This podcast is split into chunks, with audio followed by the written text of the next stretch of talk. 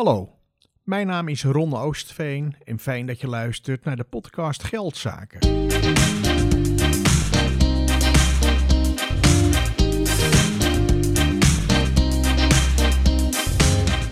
Deze podcast informeert je over alle zaken die met geld te maken hebben. Goede informatie is belangrijk, want geld speelt een grote rol in de maatschappij en dus waarschijnlijk ook in jouw leven. Iedere week wordt er een nieuwe podcast Geldzaken gemaakt. Je kunt de podcast vinden op Spotify, Apple Podcast en Google Podcast. Vind je het leuk? Abonneer je dan, zodat je geen aflevering hoeft te missen. Meer informatie kun je ook vinden op de website geldzaken.nu. Dus niet .nl, maar geldzaken.nu. We gaan beginnen. Deze podcast gaat over de wonderenwereld van vergelijkingssites. En dan heb ik het met name over sites die de aanbieders van energie op een rij zetten. Daarom doet de Consumentenbond een oproep. Ga naar de energievergelijker op consumentenbond.nl en bespaar tot honderden euro's per jaar. Geloof je het zelf? Op Pricewise vergelijk je de beste deals voor je energie en je andere vaste lasten. Stap over en tel uit je winst. Be wise. Check your price op pricewise.nl. Familie De Wit maakt zich niet druk, aangezien ze elk jaar overstappen van energieleverancier via gaslicht.com. Zo besparen ze niet alleen 300 euro op een energierekening, het is ook in drie kliks geregeld. Gaslicht.com, de onafhankelijke energievergelijker. Je hoort mij zeker niet zeggen dat de wereld vroeger beter was, maar sommige dingen waren wel overzichtelijker. En de energiemarkt was voor de privatisering van 2001 echt overzichtelijker dan het nu is. Voor de privatisering waren er een klein aantal grote energiebedrijven. Die bedrijven waren eigendom van provincies en gemeenten. Ieder bedrijf was verantwoordelijk voor de energievoorziening in zijn eigen gebied. Je had als consument dus geen enkele keus. Je moest het gas en de elektriciteit kopen bij het bedrijf dat de energielevering in jouw gebied verzorgde. Er was geen concurrentie en de innovatie van die bedrijven was heel erg laag. Om de monopolie van energiebedrijven te stoppen en de concurrentie te vergroten, werd de energiemarkt in 2001 geliberaliseerd. Eerst alleen voor groene stroom en vanaf 2004 helemaal. Ook werden de energiebedrijven verplicht opgedeeld in een netbeheerbedrijf en een energieleverancier. Er is nog maar steeds één netbeheerbedrijf per regio actief dat het energietransport, de kabels en de leidingen verzorgt. Daar ben je dus nog steeds verplicht bij aangesloten. Voorbeelden zijn Liander, Enexis en Stedin. Naast een beperkt aantal netbeheerbedrijven zijn er ook heel veel energieleveranciers. Op dit moment zijn het er ongeveer 60. Er zitten hele bekende namen bij, zoals Vattenval, het oude Nuon, maar ook Eneco of Essent. Ook zijn er minder bekende aanbieders, zoals Green Choice of Oxio. Energieleveranciers hebben er veel geld voor over om nieuwe klanten te krijgen. Dat doen ze meestal door een welkomstbonus te geven. Als je geld wil besparen op je energierekening, dan is het dus verstandig om regelmatig van energieleverancier te veranderen.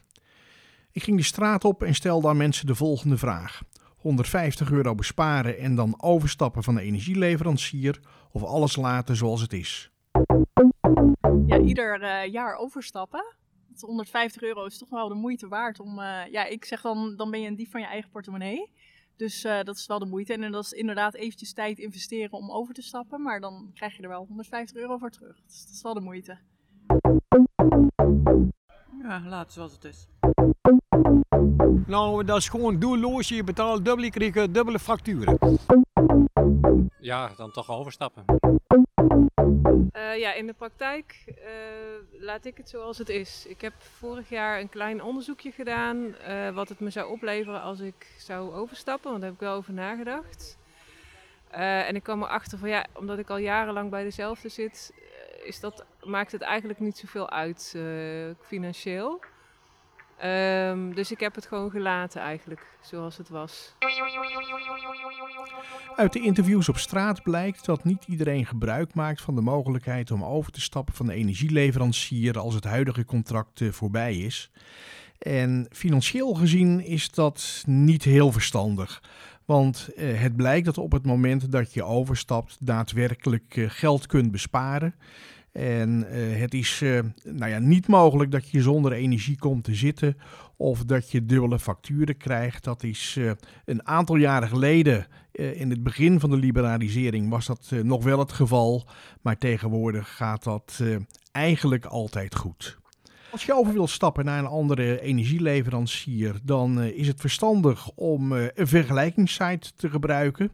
Een vergelijkingssite bekijkt de aanbiedingen van verschillende energieleveranciers en geven dat goed aan op een website. Zo'n vergelijkingssite is overigens niet helemaal neutraal, want het verdienmodel is dat zo'n site een vergoeding krijgt op het moment dat je via die site een nieuw contract afsluit bij die leverancier. Zo'n site kan er dus belang bij hebben om de leverancier bovenaan te zetten waarvan ze de grootste vergoeding krijgen.